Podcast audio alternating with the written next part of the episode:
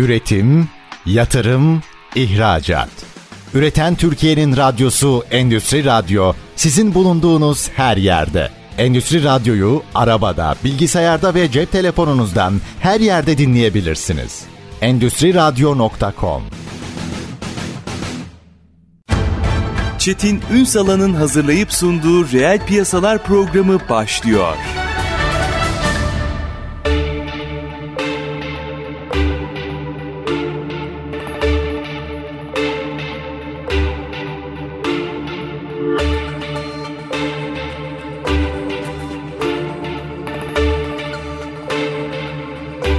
Yeniden reel piyasalardan merhabalar. Türkiye'nin gerçek gündeminde birlikteyiz efendim. Bugün IP interkom sistemini konuşarak başlayacağız. Aslında o sistemi biraz tanıdıktan sonra onun üzerinden meselenin nereye gittiğini okumak amacındayız. Yani işte hızla akıllanan bir dünyaya doğru gidiyoruz. Mobil hayatımızın yani mobil GSM'ler diyelim hayatımızın her aşamasına damga vurduğu gibi işin pazarlamasından yaşamı yönetmeye en önemlisi iletişim ve veri toplamaya, veri ekonomisine kadar uzanan geniş bir yelpazede hızla bizi başka bir yere doğru götürüyor. Bütün bunları mercek altına alacağız. Teknoline Yönetim Kurulu Başkan Yardımcısı Mert Yukarı Ozan bugün reel piyasaların konu. Sayın Yukarı Ozan yayınımıza hoş geldiniz efendim. Hoş buldum Çetin.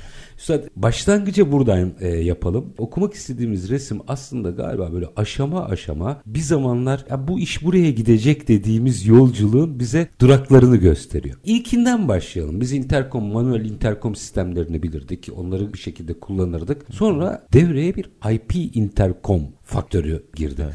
Bunu sistem biraz konuşalım mı? Bir kere nedir IP interkom dinleyicilerimize önce bunu anlatalım. Şöyle öncelikle interkom sistemlerinden bahsedeyim. Interkom sistemleri apartmanlarda, top konutlarda kullanılan aslında kapımızda kimin olduğunu görebileceğimiz sistemler. En İlk, basit tanımıyla. En basiti buydu. İlk olarak sesli olarak başladı. Sadece sesi duyabildiğiniz. Sonra görüntülü sistemler. En sonda yani 2023 teknolojisini yakaladığımız IP tabanlı sistemler şu an revanşta. Bunun da aslında sebepleri gelişen inşaat sektörü ve gelişen toplu konut yapısından dolayı ortaya çıktı. Birçok bloklu, binlerce konutlu artık mega projeler karşımıza çıkıyor ve buradaki altyapı haberleşmelerini sağlamak, birçok girişi ve güvenlik personelleriyle olan iletişimi sağlamak için IP tabanlı yani internet protokol tabanlı bir haberleşmeye geçilmek durumunda kaldı. Böylelikle stabilite, e, haberleşmenin sorunsuz olması ve birçok daha özellik talep karşısında gelişmiş oldu. İnternetin devreye girmesi yani IP tarafının devreye girmesi bize normalde alışa geldiğimiz kullandıklarımızdan farklı ne getiriyor? Şimdi şöyle bize haberleşme ve senaryolar konusunda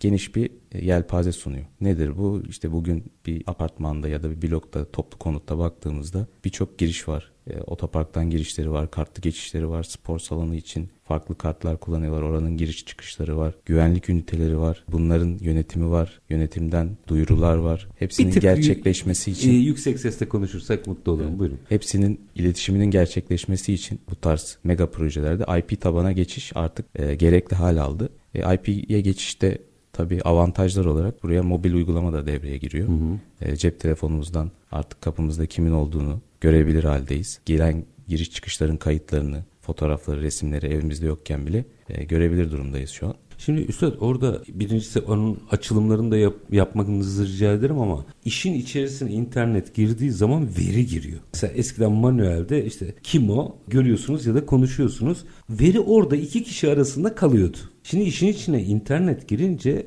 bu bir yönetim sistemi haline dönmeye başladı. Veri ekonomisi açısından baktığımızda orada nasıl bir bilgi ağı oluşuyor? Şimdi şöyle aslında IP interkomlarda bütün haberleşmeyi lokal network'te yani lokal ağda yapıyoruz. Kapalı devre bir sistem oluyor. Sadece ilgili daire kullanıcısı eğer tercih ediyorsa bulut tabanlı yüklediğinde o görüşme aynı zamanda buluta çıkıp yani serverlar aracılığıyla son kullanıcıya iletiliyor. Ama bu noktaya kadar ki bütün haberleşme ve yönetim tamamen lokal ağda. Kimisi bunu güvenlik için yapıyor. Lokale ya da internete çıkmak istemiyorlar. Sadece IP tabanlı haberleşme site içinde ya da o konut içinde kalıyor. Herhangi bir dışarı veri akışı gerçekleşmiyor. Eğer bulut sistemi istenmiyorsa. Şimdi e, tam da oraya geleceğim. Yani o sitelerin aslında müthiş bir veri havuzu oluşuyor. Neticede lokalde kalsa siteler aslında birer veri bankaları haline dönüşmeye başlıyor. Tabii burada KVKK'ya çok dikkat etmek lazım. Evet. O ayrı konu. Ama hani bir iş modeli olarak şunu düşündüm. Mesela yarın öbür gün şunları yaşayacak mıyız biz? Sitede IP intercom üzerinden biriken verilerin site sakinlerinde onayıyla tabii ki. Baktığında bilgisini açan bununla ilgili pazarlama argümanları kusan site yönetimleri vesaire bunları yaşayacak mıyız? Şöyle e, IP Intercom'un getirdiği bir avantajlardan biri de siz giriş çıkış loglarını 1 milyon kayıta kadar görebiliyorsunuz. Kim, hangi kartla ne zaman, nereye girdi, nereye çıktı. Bu hem güvenlik için önemli hem de e, aslına baktığınızda böyle bir veriyi toplamış oluyoruz. Çok çok zengin yani düşünsenize o e, oraya hizmet veren atıyorum kebapçısından online satış sitelerine kadar hepsi için devasa bir alan ve her site için olduğunu düşünün bunu. Aslında kimi site yönetimleri bu tarz bir reklam aracılığını kullanıyorlar. Şöyle kullanıyorlar. Merkezi yönetim yazılım veriyoruz biz site yönetimlerine. Buradan hem kayıtları görüyorlar giriş çıkışları hem kart yönetimlerini yapıyorlar. Hem de acil durum anonsları olabilir. Daire bazlı anons olabilir. Bu bir aidatla ilgili bir duyuru olabilir. Ya da görsel bir mesaj gönderebiliyorlar. Civar bölgedeki esnaflarla yaptıkları anlaşmalarda buradan reklam olarak da kullanan yönetimler oluyor. Çünkü ben bu haberi gördüğümde detaylarına baktığımda şey geldi aklıma. Eskiden mesela ortak giderleri karşılamak için hatırlar mısınız bilmiyorum ama şimdi de var zaman zaman böyle apartmanlar veya binalar cephelerine reklam alırlardı. Şimdi buradan volüm büyüdüğüne göre sitelerin yeni bir gelir kurgusu oluşabilir gibi. Ya burada bir ekonomi var. Biraz kurcaladığınızda onu görüyorsunuz. Hala o hazımda mıyız bilmiyorum ama iş buraya gidiyor gibi sanki. Yani yapılabilen bir altyapı sağlıyoruz biz. Kimi yönetimlerde bunu gayet kullanıyorlar. Sonuçta siz o dairede oturan, o sitede oturan herkesin cihazına bir görsel mesaj yollayabiliyorsunuz. Ya da yazılı bir mesaj. Ee, bunu bir uyarı alarak mesajları okuyabiliyorlar. Ee, dolayısıyla özellikle o site ve çevresindeki işletmeler için avantaj sağlayabilir. Yönetim için de bu avantaj olabilir. Böyle bir bütçe toplayabilirler. Dolayısıyla bu yönde de gidebilir. Bunun bir ilerisi belki mobil bildirim gönderilebilir. Belki öyle olan ürünler de vardır piyasada.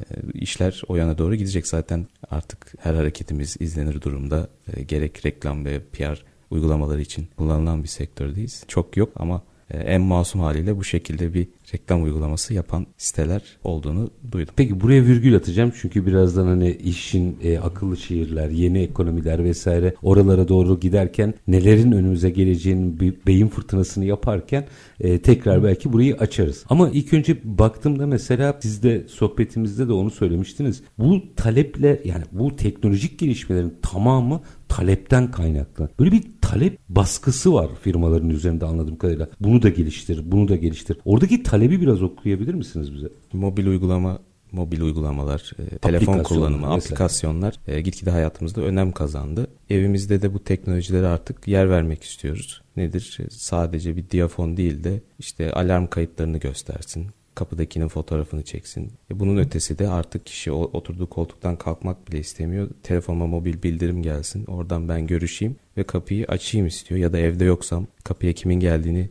göreyim istiyor. IP tabanlı bu talepleri sağlayabilir noktada. E birincisi kullanıcı istekleri. İkincisi de artık gelişen inşaat sektörüyle büyük projelerin artık analog sistemlerin yetersiz kalması haberleşme konusunda, mesafelerin uzunluğu, mesafe uzunca ortaya çıkan parazitler, görüntünün aktarımındaki bozulmalar e, IP'ye geçişte en önemli etkenlerden biridir aslında. Amaç stabil, yüksek görüntü ve ses kalitesiyle anlaşılabilir bir e, iletişim kurmak. Bütün site yönetimi için, bütün güvenlik ve dış kapı girişleri için. Çünkü baktığınızda sitedeki belki en önemli unsurlardan biridir. Zilinizin çalması ve kapıyı açabilmeniz. Temel amacı buydu ama şu an interkom sistemleri artık akıllı eve doğru ilerliyorlar. E, Birçok sensör girişi bulunuyor üzerinde.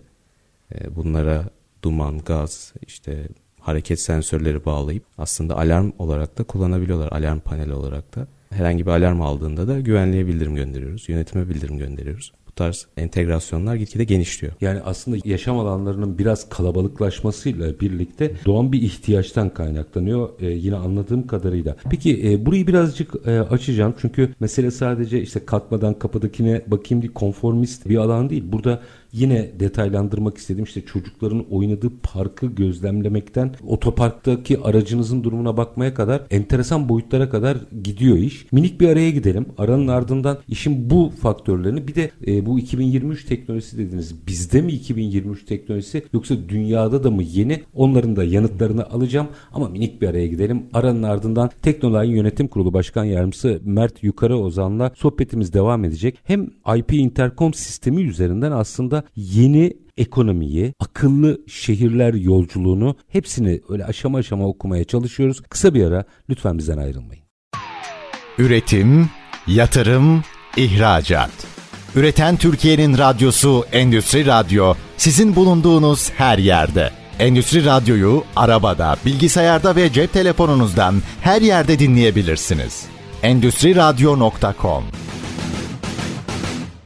Kısa bir aranın ardından reel piyasalarda tekrar sizlerle birlikteyiz efendim. Konuğumuz Teknolay'ın yönetim kurulu başkan yardımcısı Mert Yukarı Kozan. IP Intercom'dan başladık. Aslında buradan farklı boyutları işliyoruz. Ama ilk önce araya giderken merak ettim. 2023 teknolojisi dediniz ya. Bu bizde mi yoksa dünyada da mı yeni geçilen bir sistem? Aslında son 8-10 yıldır aktif olarak kullanılan bir sistem. Nedir? Bir emekleme dönemi oldu ama şu an geldiği tap noktada diyebiliriz. E, ürünler çok stabil. E, artık e, sorunlar aşıldı ve standart haline gelmeye başladı. Özellikle yeni yapılan konutlar için daire sayılarına önem arz ediyor bu konuda. Daire sayısı arttığı zaman IP'ye geçiş şart oldu diyebiliriz. Hatta eski siteler, eski yapılmış konutlar, projelerde şu an bir dönüşüm yapma aşamasındalar. Bu tarzda da çok talepler oluyor bize. Eski sistemlerini değiştirip çünkü kullanım ömürleri doluyor artık. Bunlar Hı-hı. elektronik cihazlar sonuçta. O yüzden artık 2023'te, 2022'de son belki 4-5 yıldır gitgide standart hale gelmeye başladı diyebiliriz. Şimdi kontrol edilen alanlara bakıyorum. Şimdi işte yangın, hırsız alarmı gibi güvenlik noktaları var. Ama demin e, araya gitmeden önce de ifade ettiğim gibi mesela işte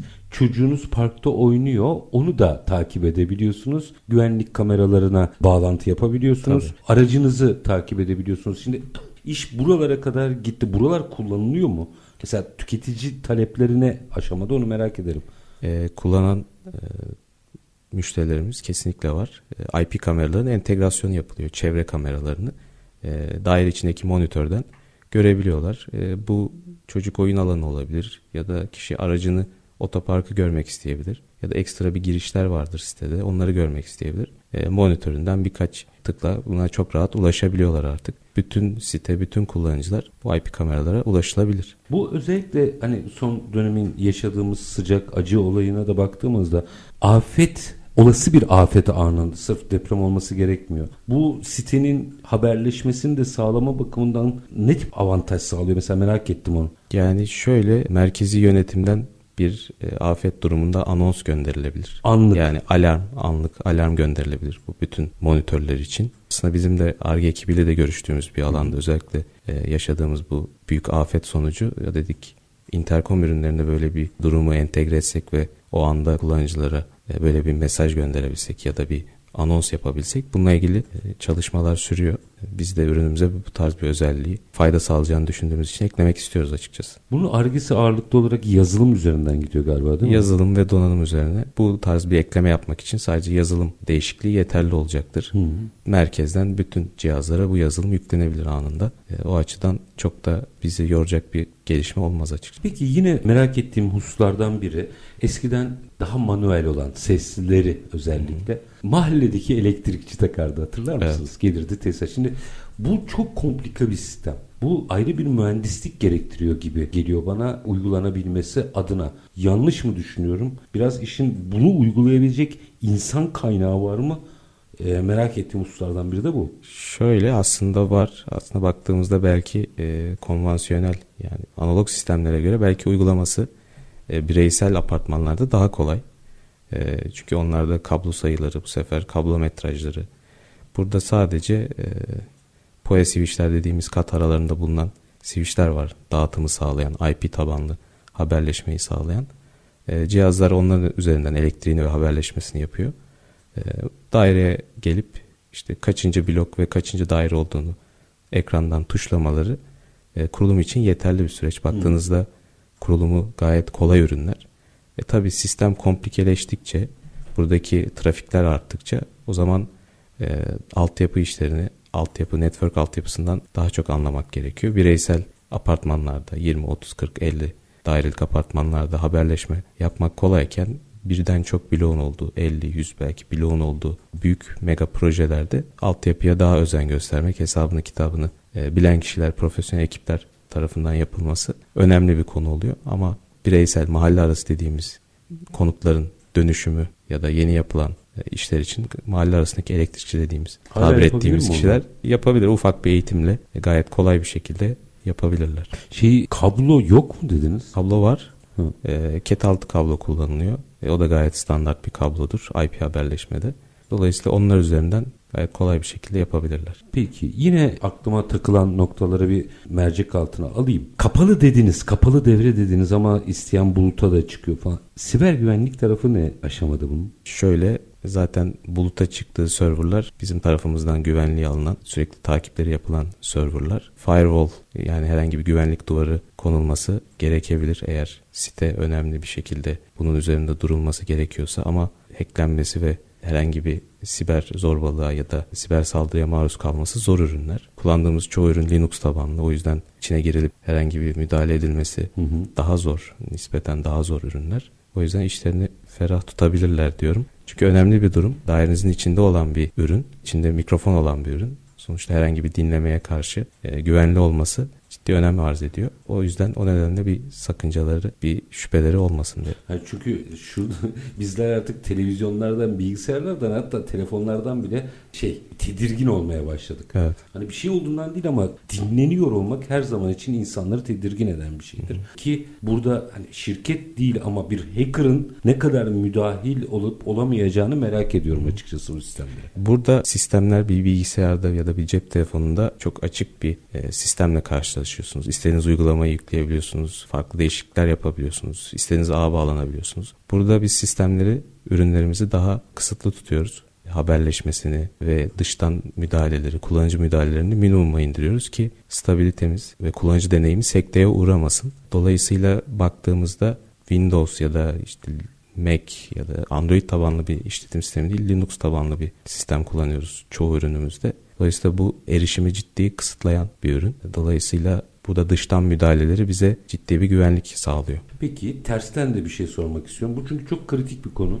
Eğer bu teknoloji e, gündeme geldiyse e, mesela dışarıdan müdahaleyi engelledik. Fakat mesela siber güvenlik problemlerinde bütün uzmanların söylediği en büyük problem genellikle kullanıcı hatalarından kaynaklanıyor. Bir kullanıcının neticede cep telefonundasınız. Kendi cep telefonunun hacklenmesi üzerinden sistemin koruması var mı? Şöyle kendi cep telefonunun hacklenmesi o mobil uygulamaya olan erişimi belki mümkün sağlayabilir. Hı hı. Orada kullanıcının direkt cep telefonuna yüklediği uygulamalar, diğer uygulamalarla ilgili inceliyor olması lazım. Her uygulamayı yüklemiyor olması yani ben lazım. Fatma Hanım'ın ya da Ahmet Bey'in bir şekilde bilinçsiz bir telefon kullanımı yüzünden bu sisteme dahil olan biri olarak riskte miyim?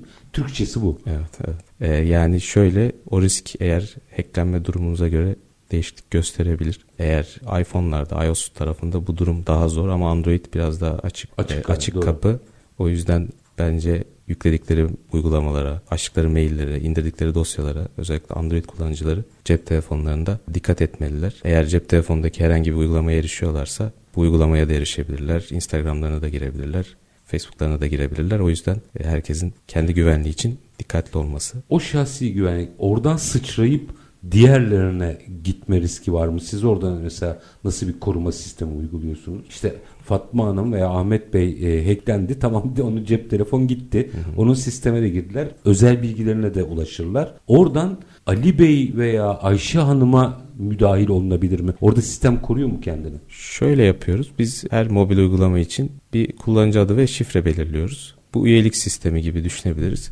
Kullanıcı yönetimle görüşüp üye oluyor. Hiçbir ücret talep edilmiyor bu konuda. Üyelikler belirli periyotlarda eğer uygulamaya giriş yapmazsa e, logout yapıyor. Yani ürün tekrar şifresine girmesi gerekiyor. Kendi oluşturmuş olduğu şifresini. Böyle bir güvenlik önlemimiz var. Uzun süre girilmediyse tekrar şifre istiyoruz kullanıcıdan ki e, herhangi bir sorun olmasın, sorun yaşamasınlar. E, bunun harici merkezi yönetimden aslında herhangi bir fazla giriş var mı, çıkış var mı, birden çok hmm. telefon sayısından giriş var mı hepsinin e, loglarını görüyoruz hangi Mac'lerden girilmiş. Dolayısıyla herhangi bir siber saldırı ya da böyle bir şüpheleri varsa e, kayıtlardan görebilirler en azından nereden giriş yapıldığını. Ama anladığım kadarıyla bu tip sistemi devreye alanların aynı zamanda bir siber güvenlik sistemi de kurması gerekiyor. Sözlerinizden bunu anlıyorum. Yani gerekmese bile bireysel kullanıcının bunun farkında olması gerekiyor. Bu sadece tarz uygulamalar için değil genel olarak telefonlarına yükledikleri ya da kullandıkları bütün uygulamalar için kendi güvenliklerini sağlıyor olmaları önemli. Bilmedikleri ağlara girmemeleri gerekir. Toplak ortak ağlarda dikkatli olmaları gerekir. E, bu genel siber güvenliğin bireysel olarak farkındalıkla ilgili bir durum.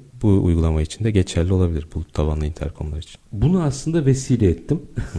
Buradan bir tık yukarıya gideceğim. Şimdi bu orada kullanacağımız teknolojilerden biri. Anormal bir yere doğru gidiyor. Bütün dünyada akıllı evler belki ufak ufak yaşadığımız bir realite akıllı şehirlere doğru gittiğimiz bir yolculuğumuz var. Bütün bunlar orada da risk haline gelmiş vaziyette. Ama merak ederim bu konuyu da en azından teknoloji üreten bir yapı olarak bizim daha akıllı evlere ve akıllı şehirlere olan yolculuğumuzda ne boyuttayız? Bizim daha süremiz var mı? Şöyle aslında akıllı eve olan talep şu an Türkiye'de de gayet revanşta bir ürün. Özellikle sıfır projelerde ya da bu tarz teknolojilere meraklı kişiler tarafından müstakil evlerde çok uygulaması oluyor. Villa projelerinde ya da lüks konut segmentinde e, belirli başlı evdeki ürünlerin buna ısıtma sistemi olur, aydınlatma sistemleri olur, güvenlik sistemi entegrasyon olur. Bu tarz talepler mevcut. Birkaç projede de akıllı şehir olarak özellikle yurt dışında böyle talepler aldık. Nedir? Interkom üzerinden emniyet merkeziyle haberleşme istediler. Bunu bir bütün bir şehir için istediler. Herhangi bir acil durum olduğunda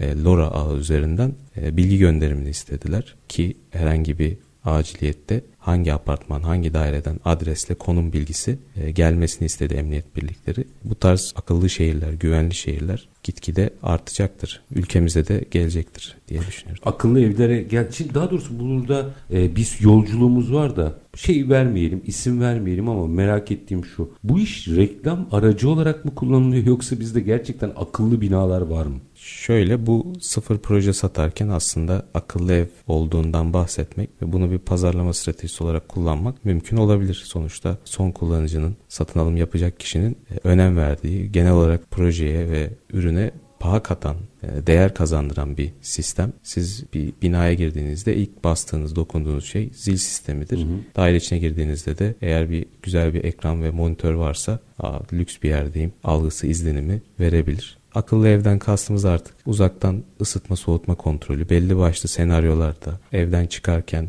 de perdenin panjurun kapatılması, derecenin belli bir seviyeye getirmesi gibi tamamen ev sahibine göre kişiselleştirilen bu tarz senaryolarla akıllı ev e, sistemleri gitgide popülerleşiyor. Bu biz çok da mesela kullanmayı da bilmiyoruz. Mesela cep telefonu bir, bir dostum vardı. Mesela o cep telefonu dibine kadar kullanıyordu ve sırf bu sistemleri kullanıyordu evde. Evet. Yani gitmeden ocağı da açardı, şey kombiyi de açar kapardı. Biz cep telefonuyla ilgili de zaten okur yazarlığımızda sıkıntı yok mu? Akıllı ev yönetmekten önce. E tabii ki zaten cep telefonunda baktığınızda bir sürü özellik var ama hangimiz bunları kullanıyoruz ya da yüzde kaçımız tam verimli bir şekilde kullanıyor. E, orası tartışılır ama bu akıllı ev amacı baktığınızda hayatımızı kolaylaştırmak, fayda sağlamak, e, eve gitmeden belki ısıtmayı açtırmak, istediğimiz dereceye getirmek evi ya da konforu bir köşeye bırakalım, güvenlik diyelim. Siz bugün interkom paneliyle bile bunu yapabiliyorsunuz. Duman, gaz, yangın, su baskın sensörleri gibi sensörleri evinizde konumlandırıp ekrana bağladığınızda ve ufak modüllerle herhangi bir alarm tetiklendiğinde siz komple gazı kesebilirsiniz, elektriği kapatabilirsiniz. Herhangi bir su baskınında su vanasını kapatabilirsiniz. Bunlar aslında baktığınızda e, küçük maliyetlerle evinize büyük fayda sağlayan, ciddi bir güvenlik önlemi sağlayan ürünler. Buna da biz güvenli ev konsepti diyoruz. Baktığınızda akıllı eve geçmeden amacı güvenlik, su baskını önlemek, yeri geldi doğalgaz kaçağını önlemek. Bu tarz cihazlar ve eklentiler aslında bence daha önemli. Bu belki aydınlatma kontrolündense ilk yapacak yatırım bu tarz bir güvenli ev sistemi oluşturmak olabilir. Peki birazcık da e, açmak istediğim yani bu teknoloji nereye doğru gidiyor onu merak ettiğim hususlar var. Açacağız ama minik bir araya gidelim müsaade edin. Aranın Tabii. ardından konuşmaya devam edeceğiz. Efendim konumuz Teknoline Yönetim Kurulu Başkan Yardımcısı Mert Yukarı Kozan. IP interkom sistemi üzerinden aslında şehirlerin nereye doğru gittiğini tabii ki aslında teknolojinin nereye doğru gittiğini konuşmaya devam ediyoruz. Kısa bir ara lütfen bizden ayrılmayın. Üretim, yatırım, ihracat. Üreten Türkiye'nin radyosu Endüstri Radyo sizin bulunduğunuz her yerde. Endüstri Radyo'yu arabada, bilgisayarda ve cep telefonunuzdan her yerde dinleyebilirsiniz. Endüstri Radyo.com Kısa bir aranın ardından reel piyasalarda tekrar sizlerle birlikteyiz efendim. IP Intercom sistemi üzerinden akıllı evlere doğru giden bir süreci konuşuyoruz. Konuğumuz Teknoline Yönetim Kurulu Başkan Yardımcısı Mert Yukarı Kozan. Şimdi Sayın Yukarı Kozan aslında aşama aşama bizim gittiğimiz bir yer var. Bu 2023'te en azından bizim ülke olarak geçtiğimiz bu teknoloji seviyesi de aslında bir basamak anladığım kadarıyla. Peki ARGE çalışmalarını da çok özeline sormayacağım ama trend nereye doğru gidiyor? Mesela neyin üzerinde daha çok duruluyor? Şöyle artık akıllı ev tarafına gelecek olursak kablo sistemler revanşa şu an müsait. Nedir? E, artık eski evlerde kablolama veya yenilemesi zor bir durum. Bu sebeple kablosuz tamamen kablosuz yapı üzerinden çalışan sistemler oldu. Yani daire içine kadar kablolu tamam ama oradan sonraki iletişimin kablosu olduğu sistemler var. Kurulumlarını kendileri yapacağı bireysel akıllı eve dönüşümün e, popülerleşmesi söz konusu. Bu nasıl oluyor kendi yapması? E, yani siz bugün aldığınız herhangi bir kablosuz prizle çok kolay o prizi bir akıllı hale getirebiliyorsunuz. Mobil uygulamanızla kontrol edebiliyorsunuz. Perdenizi, panjurunuzu, belki ısıtmanızı, soğutmanızı bu şekilde modüllerle akıllı hale getirebiliyorsunuz. Akıllı Bunu priz mi dediniz? Evet. Akıllı priz mi takıyorsunuz oraya? Yani şöyle e, o prizin yönetimini yapabilirler mobil uygulamasından kapatıp açabilirler. Bu evlerindeki kontrol etmek istedikleri belki bir ütünün prizi olabilir. Kapalı mı açık mı unuttum mu gibi durumlarda uzaktan yönetebilecekleri cüzi miktarlarda alabilecekleri bu tarz ürünler mevcut piyasalarda. Bu daha çok akıllı ev ve otomasyon tarafına giriyor. Teknoloji bu yönde de ilerliyor hızla. Kullanıcılar artık kendileri uygulamalarını yapabiliyorlar. Talebi mutlaka ölçüyorsunuzdur. yani nereden talep geliyor? Niye bu akıllı ev talebi? Yani akıllı şehirleri anlayabiliyorum. Çünkü orada işte yenilenebilir enerjiden verimliliğe kadar bir sürü faktör var. İnsanlar niye akıllı ev tercih etmeye çalışıyorlar. Uzaktan erişim bunun en güzel örneği aslında ee, size perde panjur kontrolü ve evdeki bütün sistemlerin eğer entegre ettiyseniz kontrolünü cep telefonunuzda sunuyor. Senaryolar atıyorlar ve bu eviniz eğer lüks bir evse artık ya akıllı evde olsun gibi bir durum haline dönüştü. Lüksün simgesi olabilir. E, bu tarz eğer ürünlere ve teknolojiye meraklı biriyseniz talep ettiğiniz evde akıllı olması önemli bir kriter olabilir. Yani aslında yeni bir statü olarak daha statü hala verimliliğinde olabilir. değiliz anladığım kadarıyla. Statü de olabilir. Güvenlik sağladığı güvenlik avantajları olabilir bu tarz faydalar kullanıcıların önemli dikkat ettiği hususlar aslında. Mevcut binalara şimdi demin sanki öyle bir şey algıladım da mevcut binalara entegre edilebilir bir sistemden mi bahsediyoruz? Şöyle eğer eski yapıları kastediyorum. Şimdi yani. eski yapılarda sonradan akıllıya çevirmek e, ciddi bir maliyet oluyor. Özellikle kablolamanın değişmesi gerekebiliyor. Bu tarz durumları minimuma indirecek, kablolamayı minimuma indirecek sistemler mevcut. Modüllerin birbiriyle kablosuz olarak haberleştiği, dolayısıyla kablolamanın ciddi azaldığı durumlar var. Bu özellikle oturulan evler veya restoreye, yenilenmeye girilmiş evler için e, avantaj sağlıyor. Sizin her prize ya da anahtar grubuna kablo çekmemeniz, kabloyu yenilememeniz ciddi fayda sağlıyor. Hem maliyeti düşürüyor hem de evdeki tadilat eğer içinde oturuyorsanız çok e, hoş bir durum değil. Onu minimuma indiriyor. Nasıl bir piyasa bu? Yani sizin geçtim artık müşteriyi. Sizin sektörde rekabetinden ürün kaç? Çünkü burada her şey aynı gözükebilir. Ama bu işin mutlaka bir standardı var. Bir kalite çıtası olması gerekiyor. Ne yaşanıyor mesela sizin pazarda? Şöyle buradaki haberleşmeyi sağlayan belli başlı protokoller var. Genelde e, çıkan ürünlerde bu protokolleri kullanıp birbiriyle haberleşiyorlar. Bunlar tüm dünya markaları tarafından kullanılan e, belli başlı standartta ürünler e, ve o statüyü korumanız gerekiyor. Dolayısıyla haberleşmenin stabilitesi, verimliliği ve sürdürülebilirliği için bu standartlarda ürünler, bu protokolleri kullanılarak geliştirilen ürünler herhangi bir sorun da oluşturmuyor ve size esneklik ve genel olarak cihazların birbiriyle uyumluluğu için ciddi bir altyapı sağlıyor gerçekten yaşanan şimdi bu ideali. Gerçekten yaşanan bu mu yoksa her yani ben de yapıyorum diye ortaya çıkabiliyor oluyor mu? Öyleleri de var ama şöyle söyleyeyim sektör büyük bir sektör birçok üretici var e, birçok firma var yerli yabancı otomasyon tarafında e, gerekse akıllı ev tarafında genelde e, eğer bu standartlarda ürünler varsa yani bu konuştuğum işte KNX olabilir, Zigbee tabanlı ürünler olabilir kablosu tarafta. Eğer bu standartlarda ürünler ve sertifikasyonlar varsa sorun olmadan gönül rahatlığıyla kullanabilirler. Ben nasıl bileceğim onu? Şimdi siz sektörel olarak biliyorsunuz. Sertifikaya baktığınız anda onun ne olduğunu anlarsınız. Biraz pratik bilgi verelim. Ben bir sitenin yöneticisiyim mesela. Bu tip bir sisteme göçeceğim. 3 tane, 4 tane, 5 tane neyse alternatifi aldım önüme. Neye bakmam gerekiyor? Şimdi şöyle özellikle firmayı da incelesinler. Diyelim ki o, Intercom tamam. ya da akıllı ev sistemi uygulaması yapacaklar. E, tamam ürünleri incelediler fiyat fayda kıyaslaması yaptılar. Ondan sonraki bakacakları nokta bunun teknik servisi olmalı. Firma olmalı. Kimden alıyorlar? Firma Türkiye'de bir üretici mi, ithalatçı mı? 2 yıl tamam garantisinin arkasında durur. Ama bu iş 2 yılda bitmiyor. 2 yıl sonra siz cihazı, cihazı çöpe atmıyorsunuz. Bu komple bir sistem. Dolayısıyla 10 yıl parça garantisini sağlayabilecek mi? Arkasında duruyor mu? Çünkü çok başımıza geliyor e, bu tarz mağdur olan müşterilerimizi ya da partnerlerimizi duyuyoruz. 5 yıl geçmiş aradan e, cihaz üretimden belki kalkmış ama yedek parçası bulundurmuyorlar. Bu ithalatçı bir firmada olabilir. Dolayısıyla buna dikkat etsinler. Servis ağı ve yedek parça ve devamı önemli bu konuda. 2 yıl çalışabilir ama sürdürülebilirlik ve onun uzun ömürlü olması bizim en dikkat ettiğimiz hususlardan biri. Tolere edilebiliyor mu? Mesela atıyorum 3 sene geçti parçası da yok. O sistemin komple mi değişmesi gerek? Kimi sistemlerde evet komple çünkü bunlar birbiriyle haberleşen özel protokoller kullanan cihazlar. Bir üreticinin cihazı diğeriyle uyumlu olmayabiliyor. Dolayısıyla bu tarz ürünler alırken özellikle dikkat etmeleri gereken nokta e, firmanın arkasında durması, devamlılığı olması, ürünlerinin ve yedek parça stoğunun en azından taahhütünü vermesi. Hı hı. Çünkü e, biz bir üretici olarak söyleyebilirim. 10 yıl yedek parça bulundurma zorunluluğumuz var. Daha bugün mevzuata göre değil mi? Yani evet, evet. değil. Yani 2 e, yıl garantimiz var. Kimi projelerde bu garantiyi uzatıyoruz da 10 yıla kadar yedek parça teknik servis hizmeti sağlıyoruz. Çünkü bu da önemli bir husus. Kimi zaman ücreti karşılığında bile yedek parça ya da ürün bulamadığınız durumlar olabilir. Bir dış panelin sizin geri tamir edememeniz ya da kullanamamanız, yenisiyle de değiştirememeniz komple o sistemi belki çöpe atmanıza sebep olacak. Siteden bahsediyoruz. Evet siteden. Yani e, yedek parça sağlayamadığınız noktada ciddi sorunlar yaşayabilirler. Yani dört tane parça bir yerde bozulduysa veya işte bir şekilde hasarlandıysa ve onun yedek parçası yoksa bütün sitedeki sistemin değişmesinden mi bahsediyorsun? E, bunlar birbiriyle e, senkron ürünler. Yani nedir bu güvenlik ünitesi, dış kapı paneli ve daire içine koyduğumuz ekran birbiriyle haberleşme içindeler. Dolayısıyla diyelim ki herhangi birinde bir arıza var. Çoğunlukla tamirleri mümkün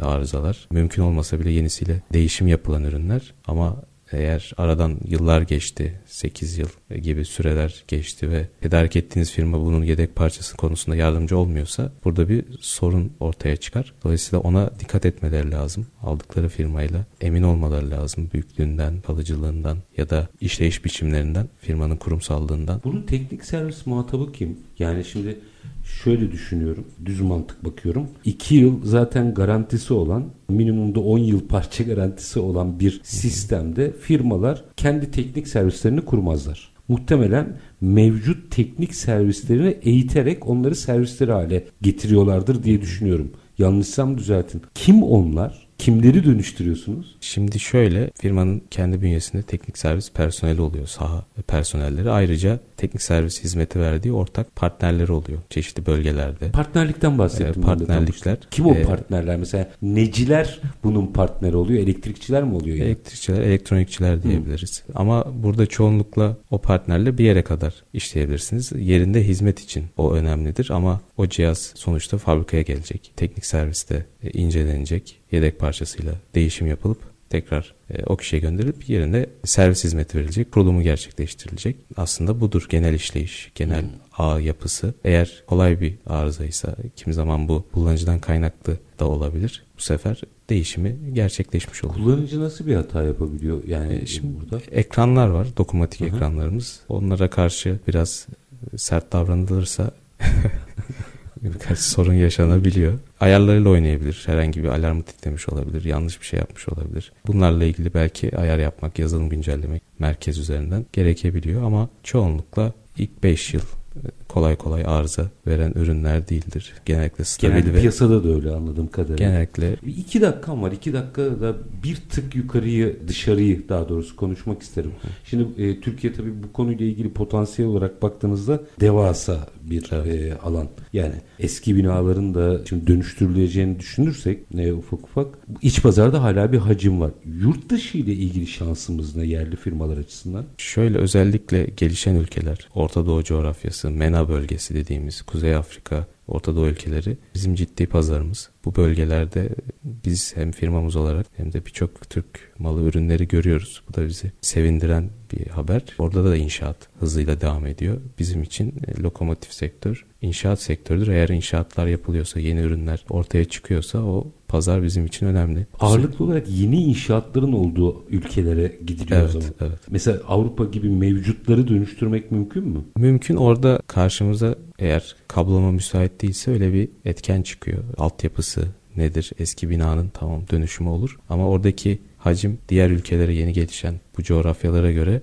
e, çok daha az. Süren bitti. Son bir e, mesaj almak isterim. Şu açıdan mesaj almak isterim. Bütün bunları bakın bugün biz IP Intercom üzerinden aslında bir gelişimi konuştuk sizle.